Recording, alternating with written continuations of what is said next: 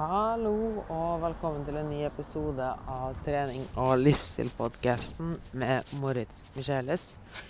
Jeg hadde litt lyst å prøve noe nytt i dag, og det er, som du kanskje hører på omfeltet, at jeg går i parken en tur og snakker med dere. Så det blir på en måte litt som at vi har en samtale sammen, der vi snakker.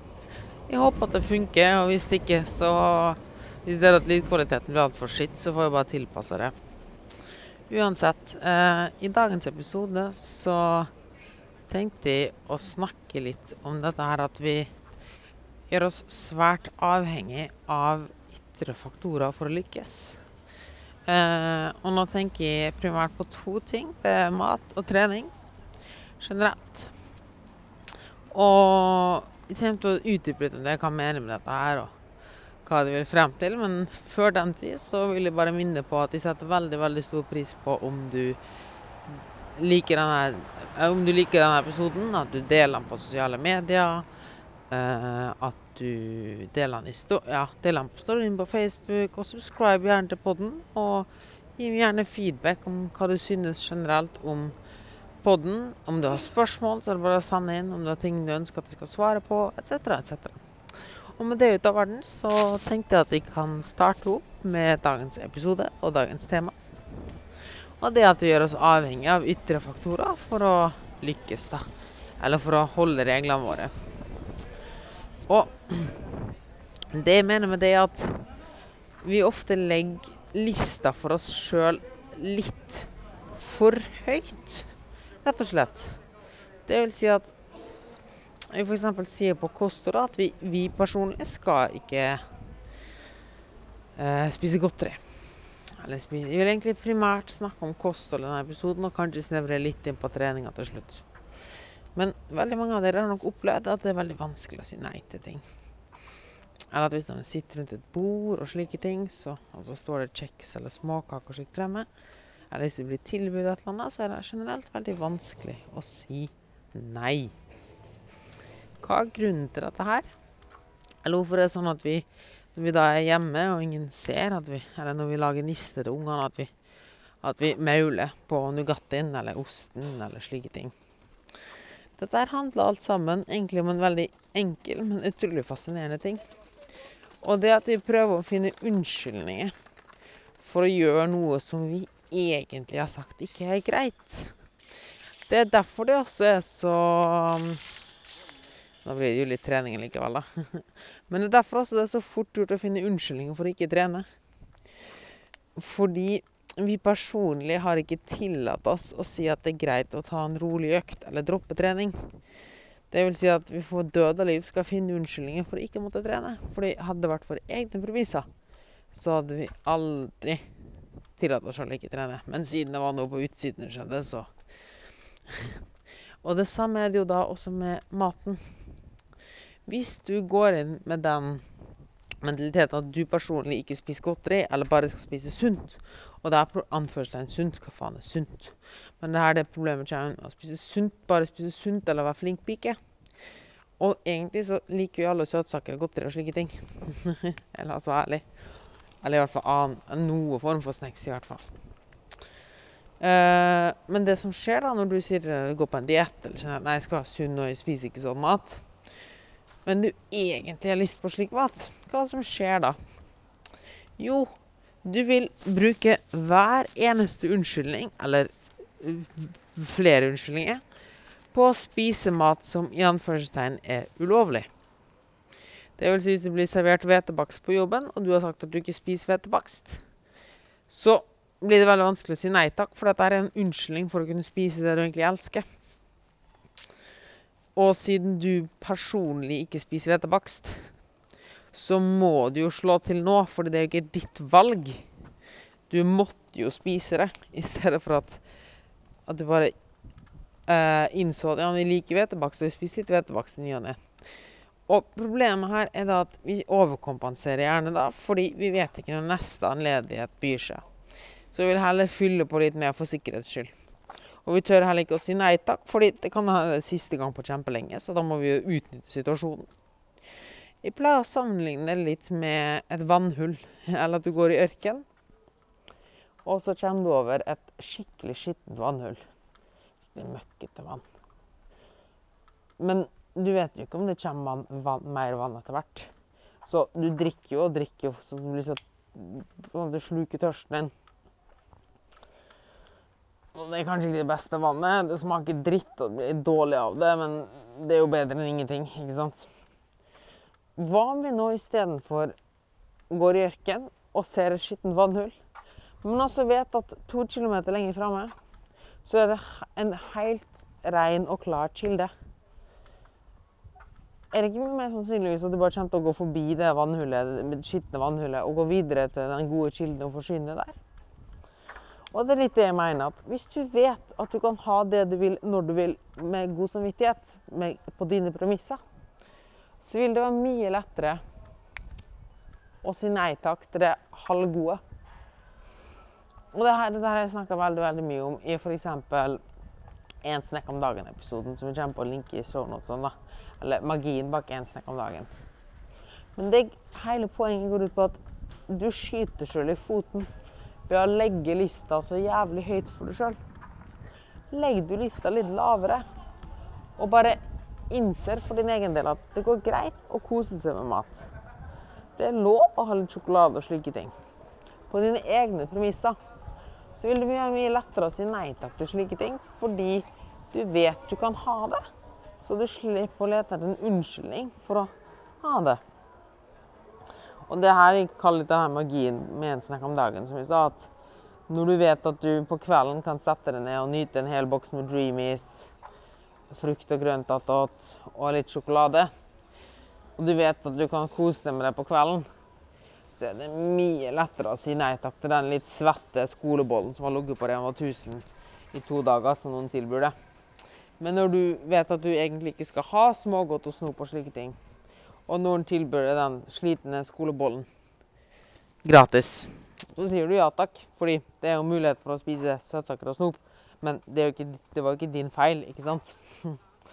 og det er en litt sånn morsom mental greie med det. At hvis du faktisk tillater deg sjøl å ha slik mat, at du aksepterer at ja, men det er ikke noe mat som er ulovlig eller tabu, så vil du heller ikke trenge, ha behovet i like stor grad til å lete etter unnskyldninger for å finne, ha slik mat. Og den samme tankegangen den kommer egentlig også når vi ser på trening. For der er det også slik at hvis du på død og liv ikke får lov å droppe ei trening, eller hvis du trener, så skal det være så innmari hardt, så vil du oppleve at Og du ikke aksepterer for din egen del at det er greit å ha en litt roligere økt. Så vil du alltid prøve å finne muligheter for å ikke trene. Fordi du vet at du vet ikke når neste gang du har muligheten til å ta en litt lettere økt kommer. Så når du først får endelig får muligheten til å ta en pause, eller droppe en sånn drithard økt, en kjellerøkt, da, så vil du jo ta den muligheten. Fordi 'Å nei, jeg måtte droppe trening', men innerst inne så er du jo dritglad. Og igjen her så vil du overkompensere og finne flere muligheter for å droppe trening. Fordi du ikke vet når neste gang muligheten kommer for å droppe en trening. Hvis du derimot går med mindset at ok, jeg skal trene, men det går helt fint å droppe en økt, eller ta en roligere økt, så vil du nok oppleve at du får et mye mindre anspent forhold til mat. Nei, til trening. Og til mat, for så vidt. da.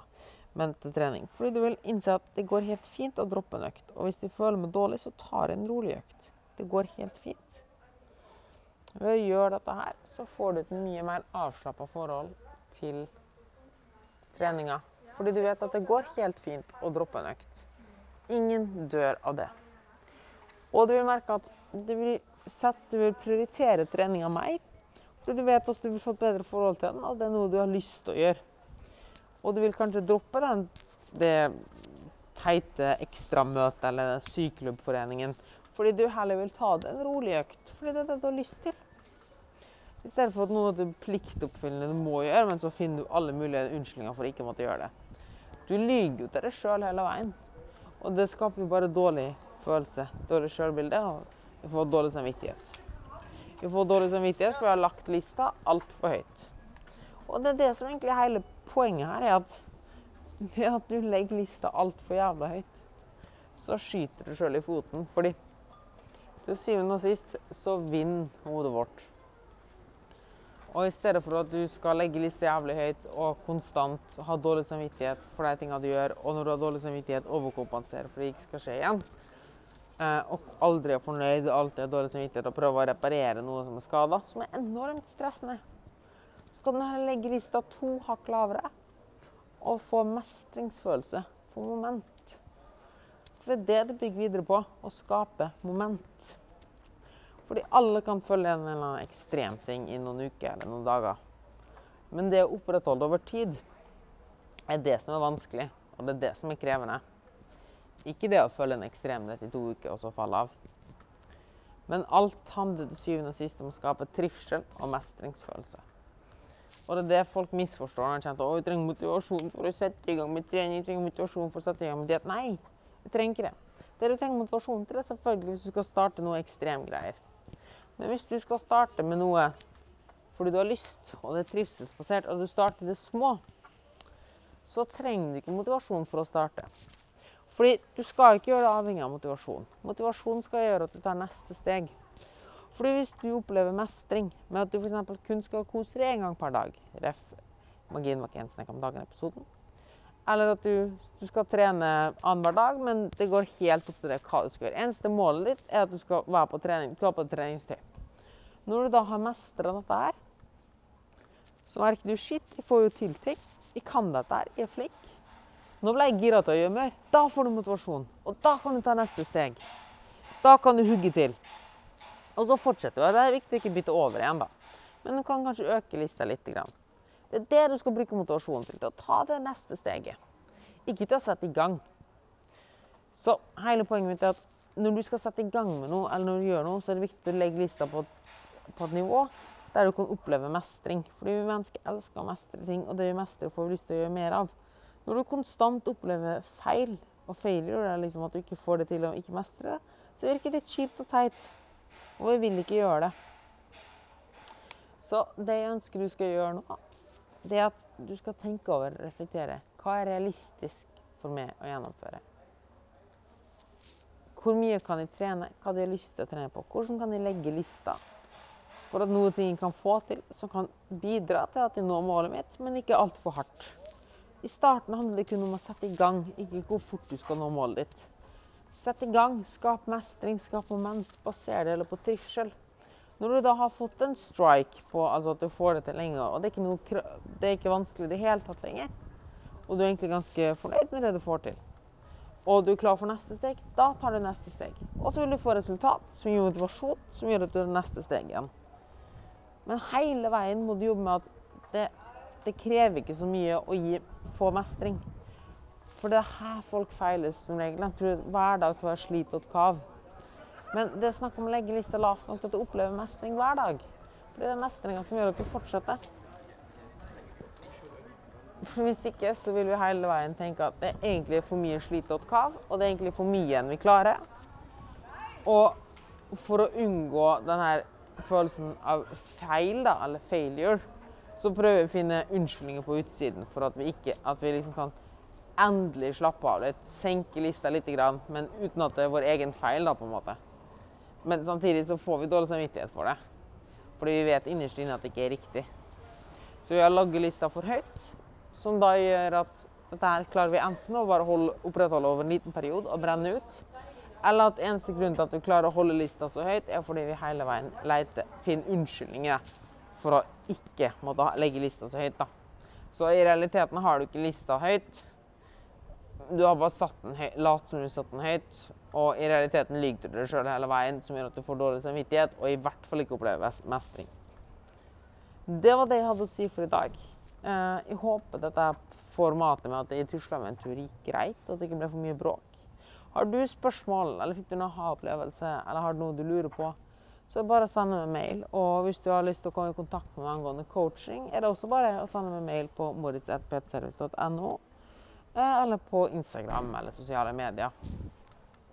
Eh, jeg kan også anbefale å gå inn på ptservice.no sine nettsider, og gå inn på nyheter der. Eller bare scroll ned på nettsida. eh, og se litt på de forskjellige artiklene vi har skrevet der. Det er masse gull der. Jeg kan bare anbefale. Og med det sagt så står det bare igjen å si gå ut og ha en awesome uke. Og så snakkes vi neste uke. Tudelu!